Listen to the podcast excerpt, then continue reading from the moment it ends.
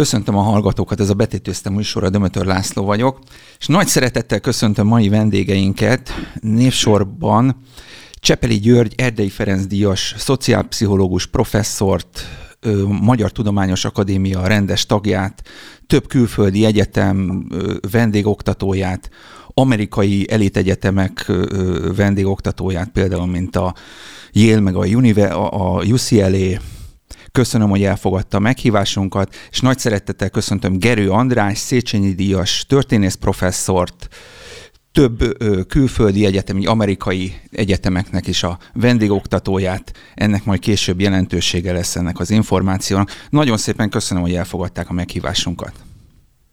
Köszönjük. Én annyit akarnék mondani, hogy távolról se vagyok az MTA rendes tagja, nem is leszek soha. Úgyhogy azt ki kéne már most vágni. Ú, bo- bocsánat, mintha ezt olvastam volna. Ezzel szemben én meg hozzáfűzném, hogy a Cseperi György is megérdemelne egy Széchenyi díjat. Úgyhogy akkor így már benne. Akkor mi, akkor mi lenne, ha benne maradna? Így van, jó hangulatú beszél.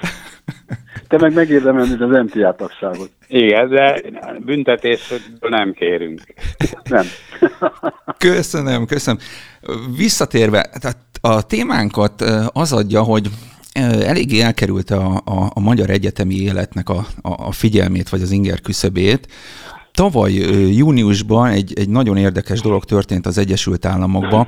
Az Egyesült Államok egyik elit egyetemén, abszolút egyetem, elit egyetemén, a Princetonon, hogy eltörölték az ókori nyelvek fakultást és a hozzá közete Washingtonban, a Howard Egyetemen pedig egyáltalán az egész tanszéket eltörölték.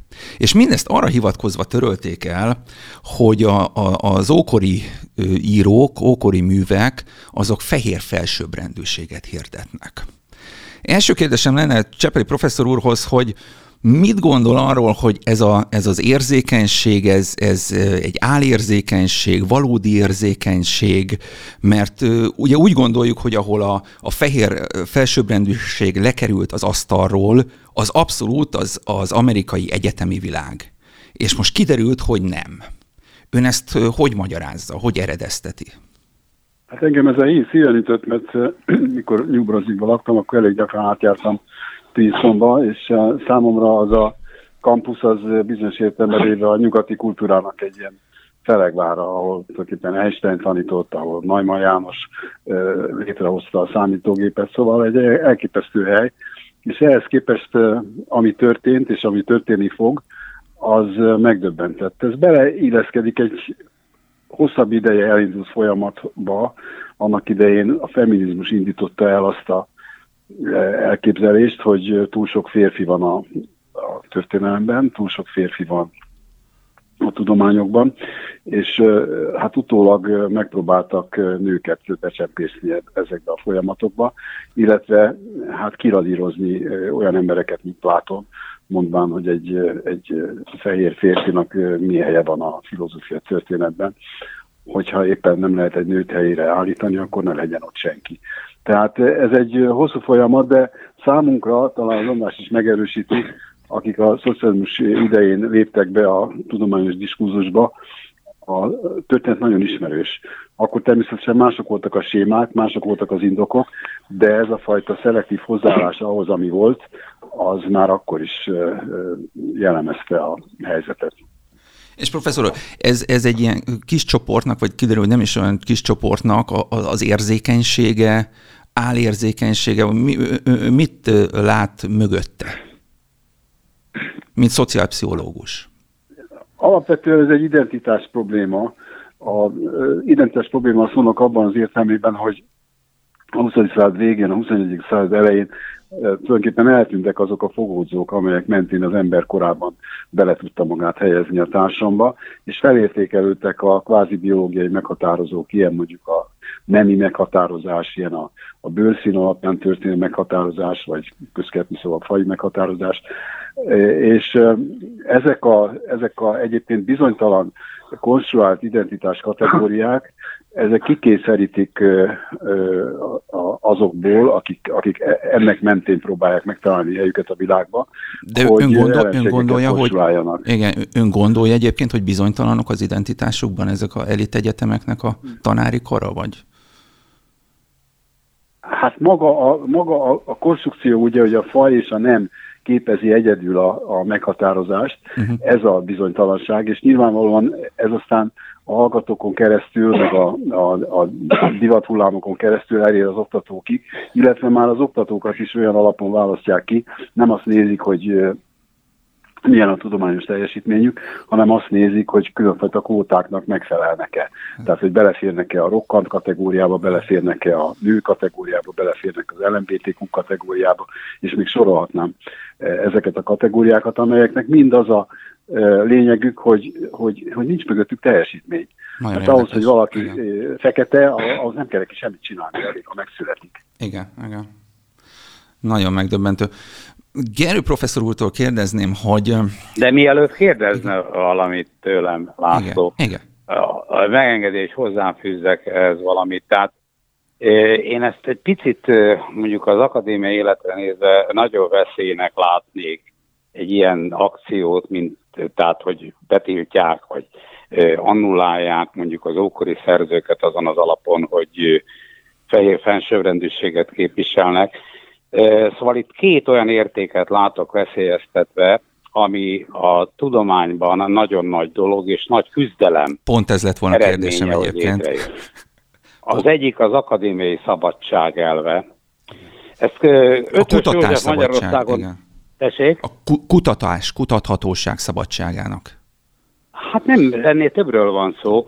Ezt az ötös annak idén a 19. század tanszabadságnak hívta, de ez a, valójában az akadémiai szabadság az, nevezetesen, hogy minden téma, amit kiválaszt az ember, szabadon kutatható, és minden álláspont mellett lehet érvelni, de hangsúlyoznám érvelni. Tehát ez több, mint a szólásszabadság, mert a szólásszabadság azt mondja gyakorlatilag, hogy nekem jogom van bármit mondani, tök mindegy, hogy azt akarom-e állítani mondjuk, hogy tiltsák be a naplementét, vagy engedélyezzék a, a napi, napi kétszeri napfelkeltét. Mondhatok ilyet, ez a szólásszabadság. Az akadémiai szabadság az annyit jelent, hogy érvelnem kell az álláspontom mellett, tehát racionális, mások által is befogadható érveket kell mondanom, és az igazság, az úgynevezett igazság ilyen viták mentén formálódik ki. Tehát az, hogy valamit tiltok általában, egy disziplinát, mondjuk adott esetben az ókortörténetet, az arról szól, hogy az akadémiai szabadság meghalt. A másik, amit Csepeli György mondott, hogy a kiválasztás is előbb-utóbb ennek mentén történik. Ez a meritokratikus elvet ért, sérti. A tudományban alapvető dolog az, hogy a személyi kiválósággal, a személyi, ez a norma legalábbis, hogy a személyi kiválósággal, a, a személyi teljesítménnyel lehet érvényesülni. Tudjuk, hogy ezt sok esetben nem tartják be. Tudjuk, hogy vannak hiányosságok, de mégis ez a norma. Ez olyan, mint a, a tíz parancsolat. Hát ne lopj. Hát ez egy norma, miközben az emberekre egy része lop. De ez a norma. Na most, ha a meritokratikus elv is sérül, és az akadémiai szabadság elve is sérül, ilyen-olyan jogcímen, akár fai, akármilyen jogcímen, akkor a tudománynak annyi. Igen, igen mondjuk mondjuk el, hogy a, a, a meritokratikus az, az érdem alapú. Tehát igazából ezt, ezt, ezt jelenteni. Jó, Professzor, nézze, másfelől, másfelől azért azt tisztán kell látni, hogy egy ilyen egyetemi világ az mindig vonzotta az idiótákat. Tehát, hogy mondjam, nagyon sokáig tanítottam egyetemeken, nem csak egyen, egyetemeken, mindig találkoztam olyan emberekkel, akik fejükbe vesznek valamit, és úgy gondolják, hogy egy zárt, izolált élet forma keretein belül valahogy idézőleg meg tudják csinálni magukat. Ez sok esetben idiotizmus, amikkel nyomulnak. De az, hogy ezek a politikai jellegű idiotizmusok bekerüljenek az akadémiai életbe, ami sértik, mondom, az akadémiai szabadság és a meritokratik, meritokratikus kiválasztás elvét, ezt mondom én életveszélyesnek, miközben tudom, hogy ennek mindig volt veszélye, Igen. ahogy Csepeli György is utalta, a szocializmus ebből rendszer csinált. Igen, igen. Csak az az érdekes, hogy itt, itt nagyon komoly csoportok, tudományos csoportok, vagy lobby csoportok be, tudnak, be is álltak mögé. Tehát egyébként nagyon könnyen lesöpörhető lenne ez az asztalról. Nem? Csepeli hát nem, úr. nem, mert uh, itt hatalmi érdekekről van szó, uh, nem uh, nemzeti hatalmi érdekekről, hanem egy-egy egyetem ugye Amerikában az nem szegényház, mint Magyarországon. Tehát ott nagyon komoly pénzekről van szó, pénzek elosztásáról, és, és újra Gondolja, hogy ezek, a, ezek az extrém vélemények vonzák utána a hallgatókat? Nem, az, az a, azt akarnám bocsánat, mondani, ne haragudjon, bocsánat, ne haragudjon, szerkesztő, maga szerint extrém, mert hmm. maga így látja. De abban a közegben, ahol egy ilyen döntést meghoznak, ez nem extrém, ez maga az idézőjelbe vett normalitás. Így van, mert ez egy harc része, és hangsúlyozom, hogy, hogy hát a politikában tudjuk, az ilyen egyetemi politikára is érvényes, hogy az igazság az mindig ott van, ahol a hatalom van. És itt a hatalomért folyik voltak éppen a harc, tehát kiszorítani azokat, akik korábban megszabták a, a, a normákat, és meghatározták, hogy kiket vegyenek föl az egyébként jól fizetett állásokban, és legyen egy új gárda, amely új eszmékkel, új gondolatokkal próbál ja, magát legitimálni. Tehát ilyen értelemben véve ezek az abszolút mércik, amiket András mond, ezek mindig, mindig ott vannak a páston. És tulajdonképpen harci kérdés, hogy mikor ki milyen igazsággal próbál érvényesülni a másikkal szemben. Számomra az az agasztó, hogy úgy tűnik, hogy ezek a egyébként szabadságellenes és érdemellenes ideológiák, ezek hatalomhoz jutottak sok egyetemen, és ennek megfelelően ez a folyamat szerintem nem fog megállni. Igen, csak nagyon érdekes az, Itt hogy... persze az is egy kérdés, ugye ennek Amerikában van egy sajátos vetülete, nevezetesen mondjuk itt a, fa, a fai kérdés tekintetében, illetve mondjuk így a gender kérdés tekintetében, az is egy jogcím a téren, hogy hát hogy lehet kiszorítani valakit, vagy nem kiszorítani, illetve hogy lehet kulcspozíciókba juttatni olyan embereket, akiknek mondjuk a szexualitásuk eltér a, a, a főáramútól.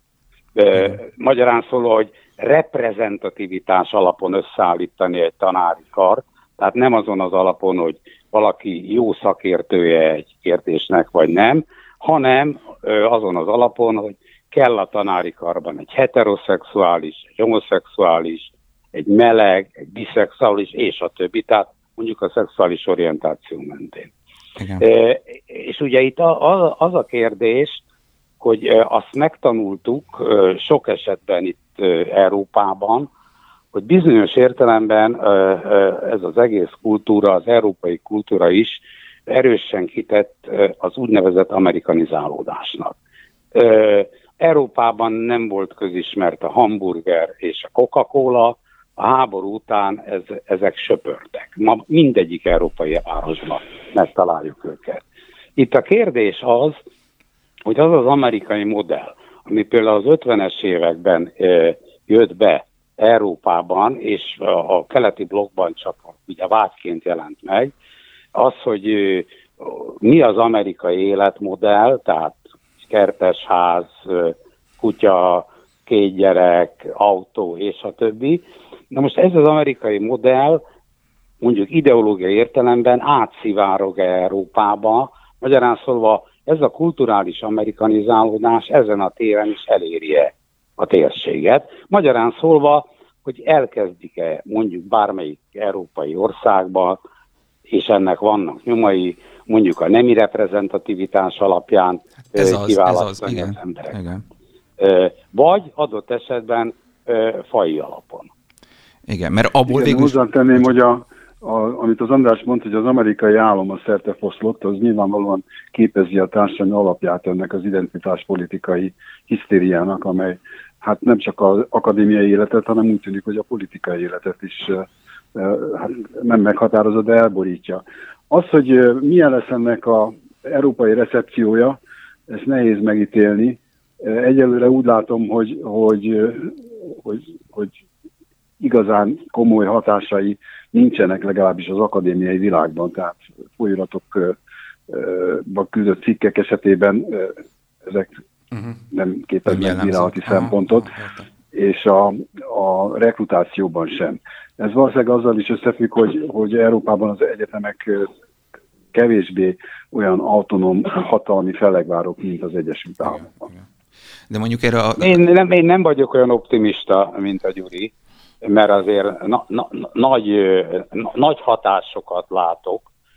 Például úgy gondolom, hogy Németországban ma egy megint egy olyan politikai kurzus összesség került hatalmi helyzetbe, amelyik hát elég hangsúlyozottan próbál ilyen amerikanizált szempontokat érvényesíteni, de kétségtelen igaz, hogy például mondjuk a, az, hogy a szexuális kultúrában ki éppen hova teszi le a voksát, az még Európában általában nem játszik. Igen. De például az is egy amerikanizált hatás volt jó pár évvel ezelőtt, amikor a, az operaház játszani akarta a Porgy és Best, ugye ez a Görsvin darab, igen. és ott a jogutódok kikötötték, hogy csak feketék játszhatnak benne. Igen, igen. Ugye, és az inspiráció Amerikából jött, tehát nem De a... így van, így van. A magyarok éppen, hogy ellenálltak ennek az őrültségnek ellenálltak, hát annál hát de, is inkább. De bocsánat, ennek, mert... ennek pont az volt a lényege, hogy nem lehetett befesteni az arcukat feketére. Tehát eleve fekete embereknek, eleve négereknek kellett volna, hogy játsszák. Mert az, az is egy, bla- az amerikai egy blackfacing, az egy blackfacing, tehát egy, egy lenézése a feketéknek, hogyha, hogyha befesti az. Ugyanez volt, most utána néztem, hogy a Michigan Egyetemen például egy, egy ázsiai oktatót, egy zeneszerző oktatót kirúgtak, azért októberben történt valamikor, mert Laurence Olivier-nek a, a, az otellóját lejátszotta a diákoknak, és ott Laurence Olivier be volt festve feketére az arca. És ez mekkora egy... És például megnéztem Besenyei Ferencnek is a, a, az otellóját, ott is mindenkinek be van festve az arca, tehát az egy ilyen annyival többet ad művészileg is, hogy teljesen érthetetlen ez az őrület.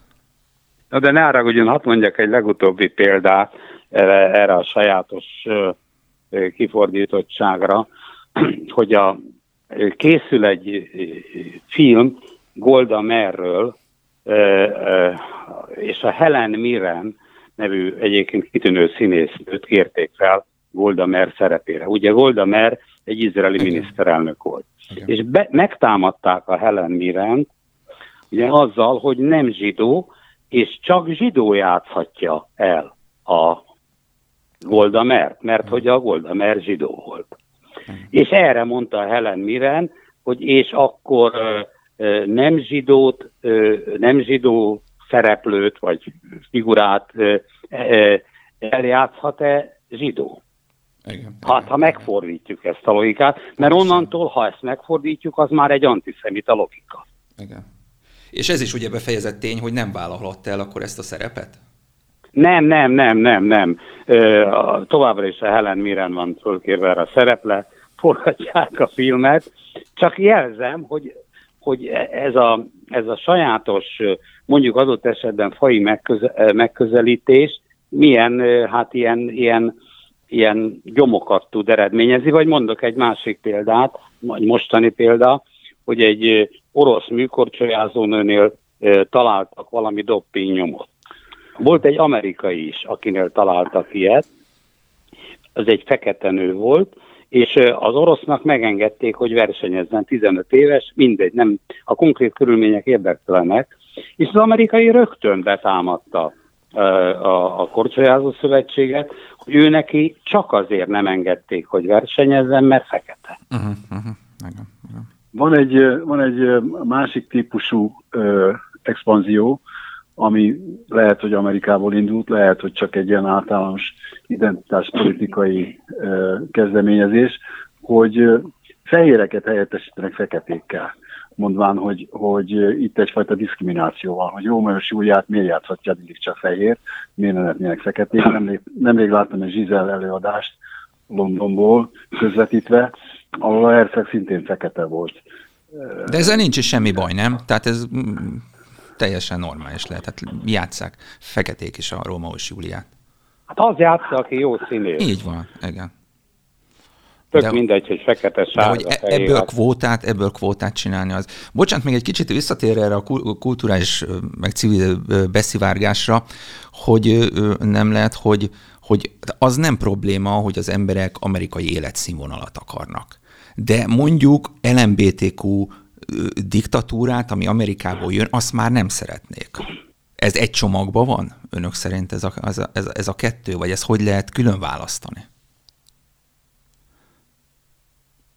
Most kinek kéne először mondani valamit? Nem értettem, Amelyik... hogy melyik kettő van egy csomagban? Hát, hogyha én elfogadom az amerikai életszínvonalat, már pedig itt a világnak a 95 szá vagy 100 százaléka úgy akar élni, mint egy amerikai. Viszont nem akarja ideológiailag az amerikaiak által kitalált LMBTQ-t, vagy fajkvótát, vagy ilyesmit, hogy ezt akkor hogy, hogy, hogy tudja szétválasztani egy európai, kelet-európai? Nem, hát a kettő között nincs kapcsolat, másról az amerikai életszínvonal azért az, az, az egy átlag, ami között, ami hatalmas szórást fed, tehát egyáltalán nem akarnék olyan viszonyok között élni, mint egy bronxi fekete család uh-huh. New Yorkban édesem szerint itt megint csak az amerikai államnak egy, egyfajta korábbi populáris változatáról van szó, amit a jelenlegi amerikai realitások abszolút mértékben nem, nem igazolnak vissza. Tehát Amerika egy nagyon megosztott, nagyon válságban lévő, és korán sem akkora jólétben lévő társadalom, ahogy azt korábban mi képzeltük gyerekkorunkban, hogy ott még a kerítés is kolbászból van fonva. Mhm. Igen. Visszatérve most itt a Princeton Egyetemnek, amit, amit ö, ö, csináltak, ö, hallgattam ilyen panelbeszélgetéseket, és nagyon érdekes az érvelési technikájuk. Tehát ahol, ahol, ahol kijönnek ezek a fehér felsőbbrendűséget kritizáló, ókori szerzőket eltörlő beszélgetésekben. Érdekes, hogy azt mondják, hogy a nyugati civilizáció az csupán egy konstrukció. Ez nagyon sok helyen elhangzik. Önök mit gondolnak erre? Most Gerő professzor úrtól kérdezni, kérdezném először. Hát, persze, hát lehet ilyet mondani. Hát a nyugati civilizáció, mint egy gyűjtőfogalom, hát értelemszerűen egy metafora, és valóban, hát ezek mind, mind konstrukciók. Hát ezért lehet ö, bizonyos értelemben több vallás a világon, mert az emberek kitaláltak egy Isten fogalmat, aminek teljhatalmat tulajdonítanak, csak ez az Isten érdekes módon különféle vallásokban, más és más környezetben, ritualitásban jelenik meg. Tehát mind, ebben az értelemben minden egy konstrukció. Azt tudom magának mondani, hogy az, hogy valaki fekete, az is ebben az elvont értelemben egy konstrukció, vagy hogy fehér, mert ez egyfelől egy biológiai adottság, hogy milyen a bőre színe, de amit kitalálnak köré, hogy mi mindent jelent az, azok mind-mind konstrukciók. Tehát ezzel nem mondtunk semmit, hogy, hogy konstrukció.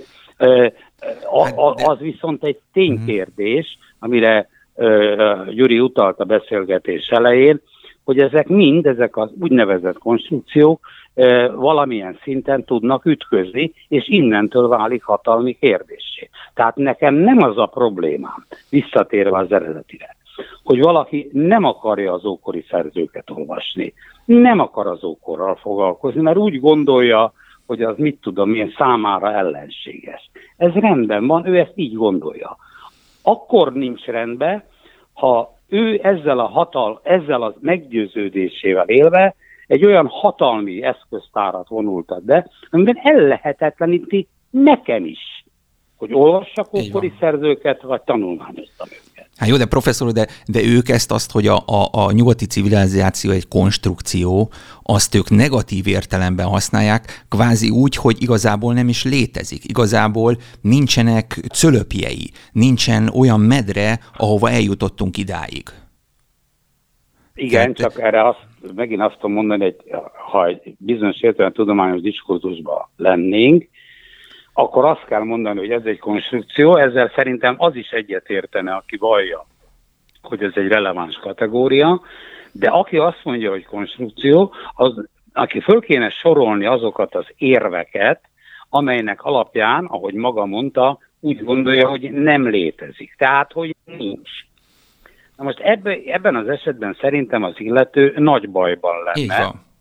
mert ezer és egy olyan tényszerű érvet lehet mondani, amivel alá tudom támasztani, hogy ez a nyugati civilizáció, mint metafora, mint konstruált fogalom, ez egy releváns fogalom. Igen. De ezért mondom, de ezeknek nem kell tudományosan érvelni, éppen azért, mert pont ezt lehetetlenítik el ezekkel az ideológiai premisszákkal. Igen, csatlakoznék hozzá, hát a tudásszociológiai közhely, hogy a, a, a valóság, ahogy mi, mi abban élünk, az, az, az voltak éppen konstrukció, ez nem egy negatív dolog, ez, ez egyszerűen leírása annak, ami van, és ebből adódóan sokféle módon ö, elképzelhető ö, egy, egy valóság, ahogy a, András mondta, az istenképzet is különböző lehet, ö, sok minden különböző lehet, de azért az, hogy Tacitus élt és írt, az, az nem konstrukció. Az, hogy Catullus uh, kit szeretett, kit nem szeretett, hogy Horácius jóba volt-e Augustusszal, vagy nem volt-e jóba Augustusszal, az nem konstrukció.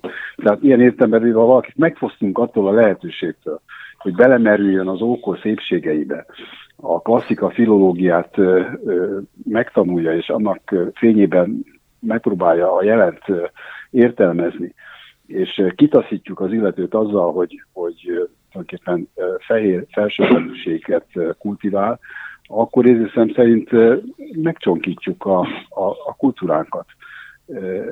Ilyen értelembe véve létrehozunk egy űr, amelybe, amelyben utána nem lesz semmi. És nem tudom, hogy, hogy ez a semmi, ez, ez mennyiben hoz jobb eredményeket, mint az, hogyha esetleg bár ha kritikusan is viszonyulunk az ókorhoz, vagy viszonyulunk bármilyen más tárgyhoz. Itt Igen. van lényem, érzésem szerint egy, egy szörnyű csapdahelyzet, Úgyhogy hosszú távon azok az egyetemek, amelyek ezt a fajta identitás politikát érvényesítik a saját kurikulumaiknak a létrehozásában és a saját tanárkariknak az összeállításában, érzésem szerint ki fognak esni a versenyben.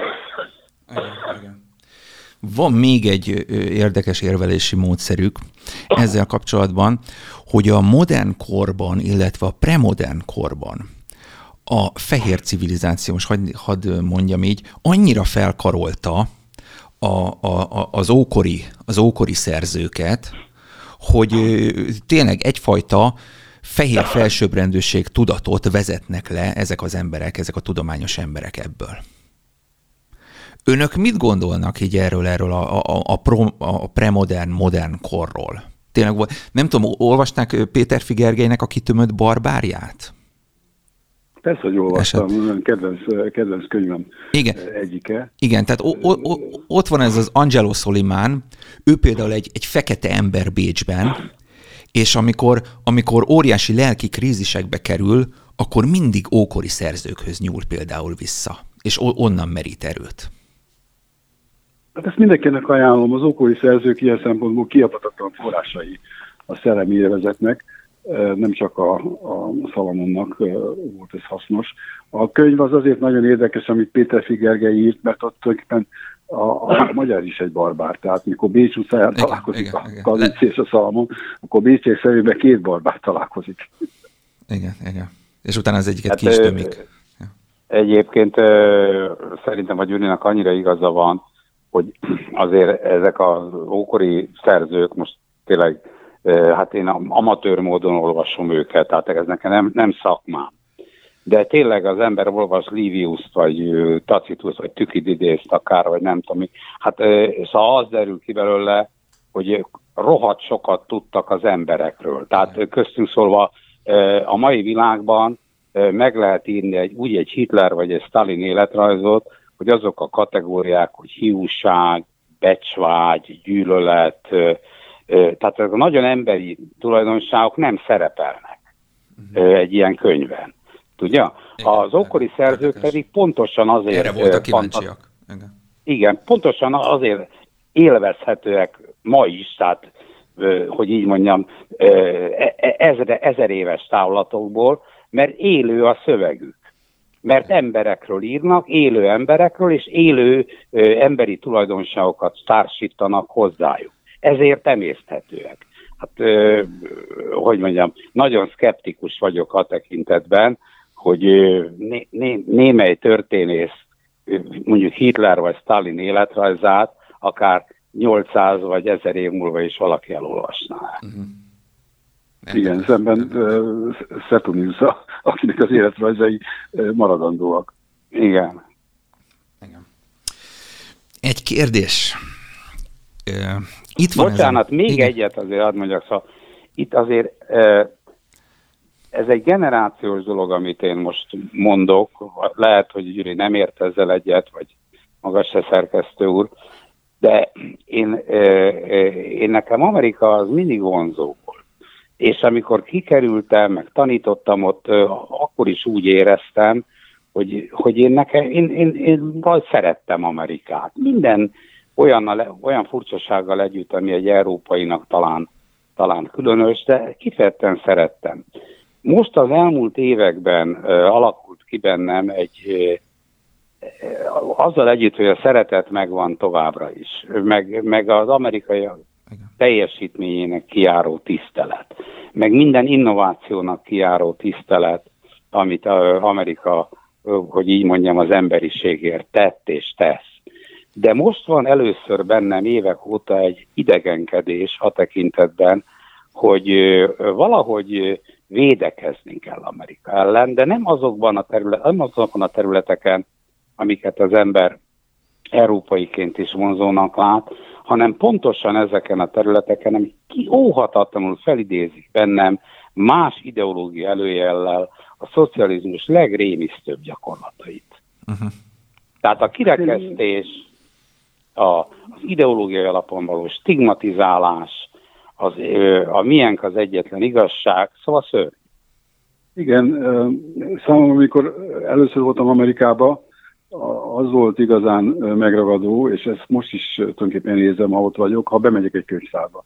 Az amerikai könyvtárak ugyanis nem úgy vannak megszerkesztve, mint például a moszkvai Lenin könyvtár, hogy gondosan megvizsgálják a könyvkölcsönzőt, és utána vagy adják a könyvet, vagy nem, hanem bemész a könyvtárba, és ott van, szembesülsz több millió kötettel, és szabad, egyszerűen szabad vagy. Azt választod, amit akarsz, leveszed a polcról, utána amikor elolvastad, ott az asztalon, következő nap visszakerül a helyére. Tehát ez a, a, végtelen, a szellem végtelen szabadságának ilyen értelme véve ezek a könyvtárok a, a palotái. Valószínűleg a Pinszani könyvtár is még egyelőre e, ilyen, és nem alakult át a, a Lenin bibliotéka e, szabályai szerint. Ami viszont idegesítő és tűrhetetlen, és úgy tűnik, hogy az utóbbi időkben felerősödött, az pont ez a fajta ideológiai türelmetlenség, ami a történelem átírását jelenti, és, és megnyilvánul olyanokban, amik, amik nekünk nagyon ismerősek itt Kelet-Európában, a, amit még a ókorban úgy neveznek, hogy nem náci memórié, hogy az emlékezet elpusztítása, hogy szobrokat kapnak föl, törnek össze, dobnak bele a tengerbe, még csak szobor parkba se helyezik, mint nálunk, átmáltoztatnak neveket, tehát, hogy megváltoztatják, átírják a történelmet egy politikailag korrekt minta szerint, ami már eh, ilyen értelmében a következő nemzedékek számára eh, csak eh, megtévesztés forrása lesz. Igen. Ehhez nagyon ehhez kapcsolódik, de mégis egy kicsit más. Itt van ez a néger szó. Én egy magyar internetes, ismert internetes újságba úgy láttam, hogy ezt a szót, ezt úgy írják le, egy, egy olyan kontextusban volt, hogy valaki lenégerezte az Egyesült Államokba a másikat, és óriási felháborodás volt, teljes, és a magyar újság is úgy írta, hogy egy N betűt írt, utána három csillag és egy aröbetű. Tehát én, én, én akkor ez engem megdöbbentett, hogy engem magyarokhoz szólok, magyarul, Magyarországon, miért kell nekem az érzékenységemnek átvennie azt, ami az Egyesült Államokban a társadalmi probléma? Mi erről önök, az önök véleménye? Gerő a, jelenben, a jelenben azt meg tudom érteni, hogy a néger szó az elvesztette már tulajdonképpen a használhatóságát. De, a, De mi rej, rejtőjenőnél is? Helyeslek, De bocsánat, rejtőjenőnél is, meg Jókainál is? Tehát rejtőjenőnél is, akkor ki, mondani, Nem, nem, ezt akarom mondani, hogyha ma egy, egy, vagyok egy kávéházi társadalmásban, vagy tartok egy egyetemi előadást, akkor valószínűleg nem használhatom azt a szót, hogy néger, anélkül, hogy ne kapnék valami fajta ellenézést ellenéző. De itt Magyarországon is? Mondani, magyar, igen. Itt Magyarországon is. A néger szó az, az elvesztette a, azt, amire úgy mondják, hogy komifó szerencsésebb a, a fekete vagy egyéb más. Persze, használhatom, de használhatom azt is, de, ami, de ez az öncenzúra... Helytelen, hogy utólag írjunk át szövegeket. Tehát, hogyha a Mark Twain utólag átírjuk a határidői szint, és kiírtjuk belőle a, a Negro szót, és helyébe a African American tesszük, akkor már ott vagyunk, a, a, amit az előbb mondtam, hogy, hogy meghamisítjuk a múltat. Tehát ilyen értelembe véve az az életnek a szerves része, hogy, hogy minden változik, változnak a szavak, változnak a, az elfogadható és nem elfogadható diskurzusnak a szabályai.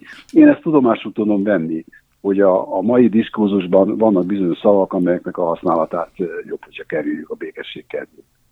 Hát de miért?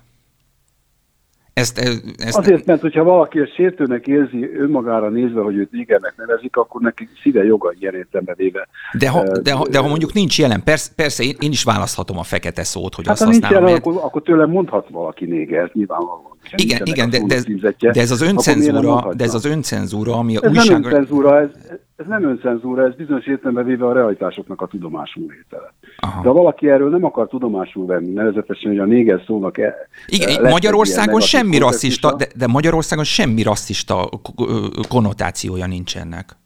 Nem, tehát... Hát látom, nem értek nem magával egyet, nem értek magával nem. egyet. Én, én azt gondolom, hogy a, a, a, a néger az ugye egy, egy la, la, latin kifejezés. Így van, szótári kifejezés, így van. Feke, így van. Fekete, így hát feketér, feketér, Jó, és azok, amik hát mondjuk például a románban, ami egy latin nyelv, ott, hogy így mondjam, hát teljes magától értetődőséggel használják. De az igazság az, hogy van, van lekezelő mozzanata a néger szónak, annak ellenére, hogy Magyarországon sose volt igen, fekete igen. kisebbség, és a, igaza van a Gyurinak, hogyha ez azokat az embereket, akiknek fekete a bőrük, azokat ez sérti, akkor nekem az a dolgom, mondjuk így, mint idézőjelbe vett kultúrembernek, vagy nem idézőjelbe, hogy tiszteljem ezt az érzékenységet. E, de mondom, a magyar nyelven is ennek van egy lekezelő hozzata. Ez ugyanazt tudja, mint hogy a dualista korszakban nagyon sokan használták mondjuk a szlovák helyett a tótot. Igen. És lehet, hogy az ne, akkor nem tűnt olyan sértőnek, de ma szerintem egy szlovákot, hogyha annak, ha azt mondják, hogy tót, megütközik. Igen. Igen, ugyanakkor mixát, mixát ott nem kéne átírni úgy, hogy szlovákot. Ugyanakkor nem kell mixel, ugyanúgy így van, nem kell átírni. Ez a, Na de, jó, de, de, de ez nem ugyanaz, ez azért nem ugyanaz, mert Magyarországnak sosem volt fekete rabszolgái, sosem voltak gyarmataink, amikor egy magyar Igen. ember a, a, a néger szót látszak, használ... hadd mondjak annak magának egy anekdotikus elemet azért, hogy amikor volt a milleniumi kiállítás Magyarországon, akkor egy élelmes, amit tudta tudták, hogy hát sok ember látogatja Millenniumi Kertet, több mint félmillióan látták. Egy élelmes angol vállalkozó úgy gondolt, hogy ilyen attrakciót hoz ide Magyarországra a magyaroknak, és hozott fekete embereket ide, és akkor a magyarok hát életükben először láttak feketéket, és úgy állapodtak velük. És mit gondol, hogy hol szállásolták Igen, el? ezt hallottam, hogy az állatkertben. Az állatkertben. Hát azért ez, hogy mondjam, ez, ez azért arra utal, hogy bele volt kódolva ebbe a kultúrába is, hogy tulajdonképpen szubhumán lényekről van szó. De az is egy angol ember volt, és azért nem tudjuk a De körülményeket. Látod, ne rágódjunk ezen, mert jó. szerintem mi már mindent elmondtunk erről, amit el lehetett mondani. Jó, jó. Jöjjön akkor az utolsó kérdés. Ugye hit rádióban vagyunk, világnézetileg elkövetett rádióban. Lehetséges, hogy ennek a, ennek a, a, a betiltásnak igazából egy, egy, egy vallási betiltás is lesz a következménye. Jézus fehér volt, Mózes fehér volt, tehát kifuthat-e ez egy ilyen dologban? Mit gondolnak erről önök? Csepeli Szerintem az egyetemek ilyen értelmevéve nem egyházi tényezők, tehát nem, nem tudom ezt megítélni. Azt tudom, hogy a, a, vannak kísérletek a Biblia átírására, hogy kír, kírtandó a Bibliából a, a férfi és a nő szöveges másokat, hogy ilyen értelmében Istent nem telenítsék. És ez persze azt is jelenteni, hogy a sziszuszi kápolnába át kell festeni a freskót, mert ugye ott egy férfi teremt egy másik férfit. De érzésem szerint azért még ennek a folyamatnak nagyon az elején vagyunk. Hát azért így van részben az elején de mondjuk ha az akadémiai világon kicsit túllépünk, azért mostanság zajlik egy volt finn miniszternek a pere, aki ugye azt hiszem Pálapostolt idézett, ez Igen. egy konzervatív filmminiszter volt, és neki nem tetszik a homoszexualitás, és a Bibliából idézett a, homoszex, a homoszexualitás elleni passzust, vagy mondandót, ami egyébként a zsidó kultúrában is megvan, tehát ez a, ez a kereszténység meg a zsidóság itt hát hogy így mondjam, ugyanazon az állásponton van, sőt, de ő ezt észre. És mostan gyűlöletbeszédér, ugye, perbe fogták. És hát most nem tudjuk, hogy mi lesz az ítélet. Én azt gondolom, hogy ez megint arról szól, hogy ideológikus premisszák mellett, mentén, immár nem az akadémiai szabadságot, hanem a szólásszabadságot korlátozzák, tehát én abszolút pártolom ebben a finn miniszternek a harcát mondjuk a finn ügyészséggel, mert úgy gondolom, és tökéletesen mindegy, hogy mi az én személyes véleményem a homoszexualitásról, hogy pont olyan joga van elmondani valakinek, akár a Biblián keresztül, hogy nem szereti ezt, mint annak, akinek az a dolga, hogy elmondja, hogy szereti. Igen és Luther Mártont hogy lehet levakarni a német utcatáblákról, utcanévtáblákról? Mert most ez a, ez a legújabb. Nem tudom, ebben nem. Lutherrel nagy problémák vannak, de végül is szerintem Luther megmarad a kánonban, mint hogy megmaradnak azok a táblák is a német templomoknak a oldalain, amik ezt a, hát ezt a zsidó sertést mutatják amelyek mélységesen sértőek a zsidókra. Hát azt, azt le kéne. De ezzel együtt a táblákat ott hagyták. Igen, igen. Tehát nem lehet egy ilyen distinkciót tenni, hogy valamit elfogadok, ami rossz, arról megmondom, hogy az rossz, de amiről jó, arról megmondom, hogy jó, és talán még aránypárt is állítok fel, hogy mennyi a jobb és mennyi a rosszabb. Szerintem nem kéne jóba és rosszba gondolkozni, a múltat el kell fogadni olyannak, amilyen, és azok a törekvések, amelyek a múltat állandóan újra meg akarják alakítani a mindenkori jónak és a rossznak a függvényében, azok végső soron azt a fajta diktatúrát teremtik meg, amelyet a nagy szerencsével 1989-ben megszabadultunk. Igen. Gerő professzor úr? Én, én ezzel mélységesen egyetértek, és tényleg azt tudom mondani, hogy szóval az, az internacionálénak volt az a híressé vált mondata, hogy a múltat végképp eltörölni. Tehát nem kell a múltat végképp eltörölni, ízlésünk, értékrendünk mentén a jelenben természetesen szelektálhatunk a múltban, már a tekintetben, hogy mi az, amit szimpatikusnak ítélünk, mi az, amit nem ítélünk szimpatikusnak. Ez, ez hogy mondjam, jogunk ezt megtenni. De átírni a múltat, végképp eltörölni, az nem, hogy nem jogunk, hanem az egy rombolási folyamat, és ha mi az emberi kultúrát egy felhalmozási folyamatként fogjuk fel, és szerintem ez az, aminek mentén fel lehet fogni, mert különben értékeket söpörnénk el egy-egy ideológikus meggyőződés mentén. Nos, ha így fogjuk fel, akkor az eltörlés mindenképpen ellen, ellen ellenzendő. Igen, igen. Ellenjavalt. Ellenjavalt. Csepeli professzor úr, Gerő professzor úr, nagyon-nagyon szépen köszönöm a beszélgetést. Hát én is nagyon köszönöm, örültem, hogy tudtunk beszélni. Köszönöm. Remélem hamarosan újra látjuk egymást a Malév valamelyik járatán.